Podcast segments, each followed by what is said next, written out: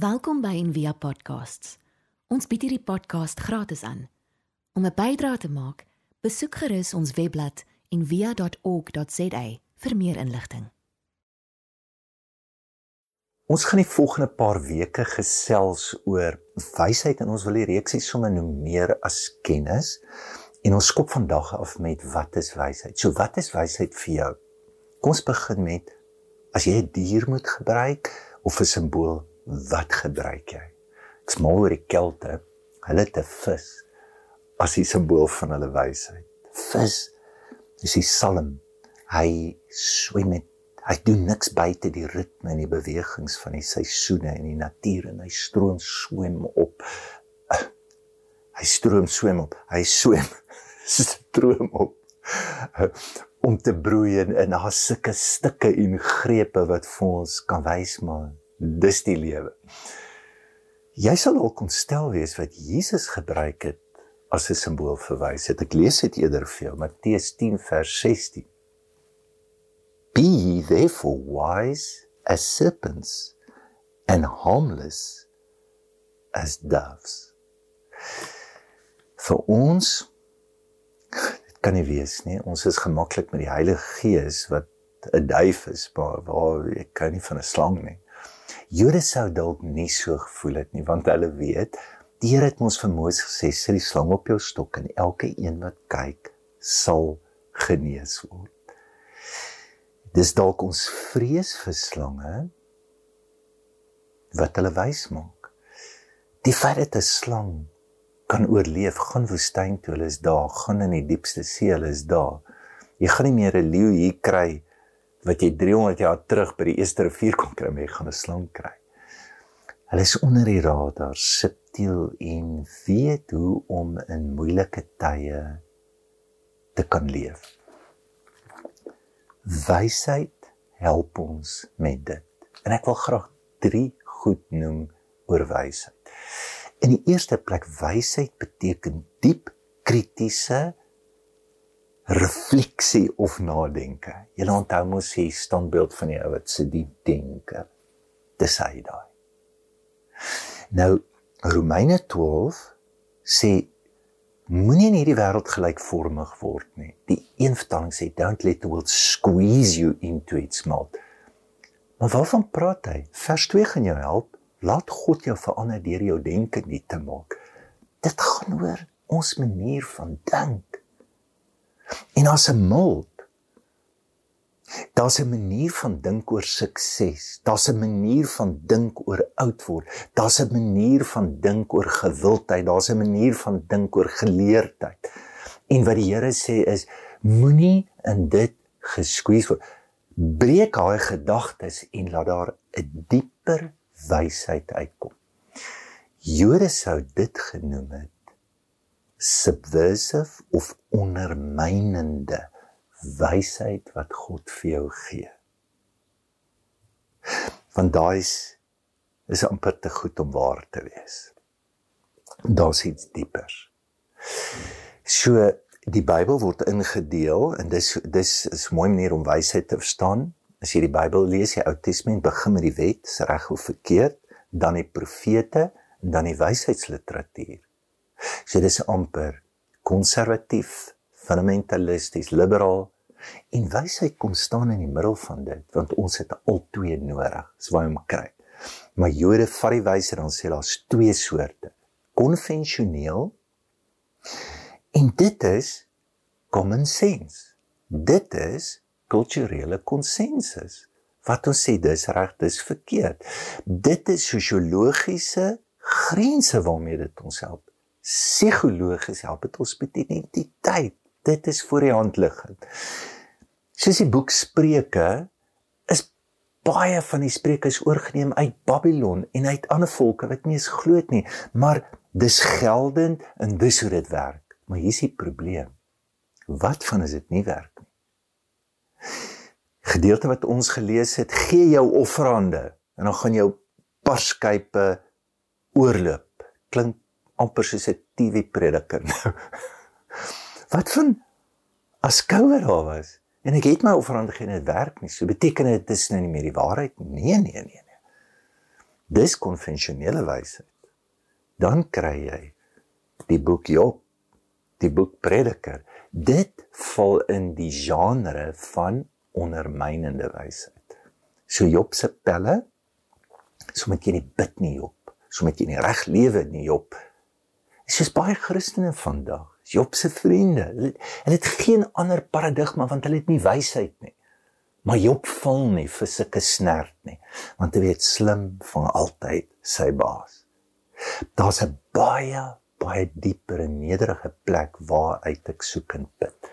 Nou daardie plek wysheid beteken om jou hart in jou kop in te trek. Nie jou vrees nie. Nie jou ego nie. Daar's baie, daar's 'n menigte programme aansien, status, sekuriteit wat die kop kan dryf en kan skryf en kan weet. God sê laat wysheid dit doen. En is verskriklik mooi in tale help ons om dit te verstaan in Latyn en Duits.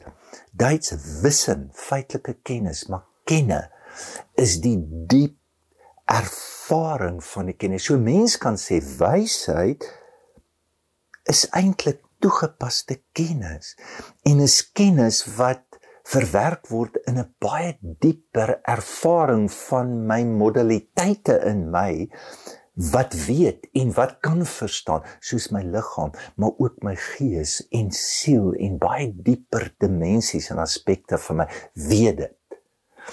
So dit kom uit 'n die diep plek en daai diep plek die grondwoord wysheid beteken letterlik empatie. So ons moet anders soek en anders soek en anders soek tot tot wanneer? Totdat ons kan voel. Totdat ons kan voel. En ons het die wisse en ons het die kenne altyd nodig. God sê byvoorbeeld sê in Jesaja 1, "Come let us reason." Sra, maar hy sal ook sê, "Wees stil en weet dat ek God is." Ander mense sê, "Kom uit jou kop uit." Wees stil. En weet die ervaring van 'n baie dieper en groter wysheid in ons lewe. Mens kan dit so verduidelik soos die vis en die klein kleutervisie en die kleutervisie sê mammie wat is water? Sy gaan al 'n projekter en wys 'n mooi fliek en sy sê vir die kleuter visie kyk daar sy my kind. Daai blou dis die water dis waar dit bestaan. En toe sê sy vir die visie: "Nou dat jy die kennis het en weet hoe dit lyk en wat dit is, wil jy nie nou net sit en voel voel deur jou kiewe en voel word jy vasgehou deur hierdie groot realiteit wat jy nie eens kan sien nie." Dis wysheid. En dan sluit ek af Ons gebruik baie keer die woord Jesus is die weg, eintlik is 'n eksklusiewe uitspraak wat jy ook al dink wie Jesus is, want daar is eintlik so baie Jesusse om vir ons soort van 'n padkaart hemel toe te kry. Maar dit beteken dit het niks met ideologie te doen, is 'n wysheid spreek. In Spreuke is jou help met dit. Daar's 'n pad wat reg lyk, daar's 'n weg wat reg lyk, maar die einde daarvan is die dood. En is dit moeilik vir Paulus om Jesus te noem die wysheid of die Sofia van God? Dis die pad. Dis nie die vyf goed wat jy gedoen het of nie meer doen wat jou hemel toe vat nie. Dis 'n manier van lewe elke dag wat Jesus se woorde soos in die hemel, so ook op die aarde in jou lewe waar maak. En dit is so mooi in die Bybel. Kom ons vat Maria. Onthou nou daai beeld. Wat doen sy? Sy kry terrible nuus. Kan haar lewe kos. Swanger, sy's nie getroud nie. Die straf daarvoor is stenig. Sy ek bedoel wat doen sy? Die Bybel sê and she pondered it in her heart. Dis wysheid. Sy sê nie, "Ooh, haleluja, ek het geweet ek is die een wat gekies is." Inteendeel, ek gaan 'n boek skryf. Hoe baar jy die Messias? Ek gaan sy boek skryf en maak dit. Dis nie dis nie hierdie oorwinningskreet of cheerleading. Want dis miskien die teenoorgestelde van wysheid. En en moet dit nou nie met verwondering vir waar nie verwondering is verskriklik mooi. Dis dis amper die posisie van 'n kind wat eintlik die onvermoë van jou eie verstaan ehm um, kan sien en jou eie beperkings. Dis die enigste ding wat jou in verwondering ingaan. Maar nie hoe. Want baie keer is daai ding, ons het 'n kultuur wat uit dit bestaan met celebrities, met deurbrake, met en ons weet en julle weet nie. Maar jy gesien dat Jesus in Johannes 5, Markus 16, Matteus 20 'n klomp plekke sê don't be amazed. Don't. Moenie verbaas of verstom of of die, die woorde sê dit nie so lekker amazement is seker die mooiste moenie dit doen nie maar dis presies wat slim sy baas voel Jesus sien met mense wat die wow sê dis dieselfde mense wat die eina ook veroorsaak en die eina ervaar soos ons sê mos eendag 'n hero ander dag 'n zero die mense wat Jesus die koning noem is die mense wat hom kruisig Paulus kom op een plek, hulle noem hom 'n god. Hy sê oor ek's net 'n mens. Daai selfde mense wil hom doodmaak. Hy byt jou, hy vang jou. Al dis nie wysheid. So wat wil ek vandag vir jou sê? Daar's 'n ongelooflike plek waar uit jy kan weet. En ek jy hoef nie net te steun op boeke en op raadbuite. Daar's 'n diep uitnodiging na dit toe, na die plek in jou hart. Jy kan jou hart waar God is intrek in jou kop. Jy kan lank genoeg sit en wag tot daar empatie kom. En en dit maak dit baie keer is dit wat ons voel eerder sentimenteel eerder as wat dit 'n ware diep medelee in 'n gevoel is en dit bewaar ons dat kennis nie 'n wapen word of 'n nuwe manier van wat ook al. Mag jy ervaar hoe daar oomblikke in blikke kom wat jy teen die stroom soos die vis gaan. Wat jy die veiligste plekke betree waar daar geboortes kan plaasvind.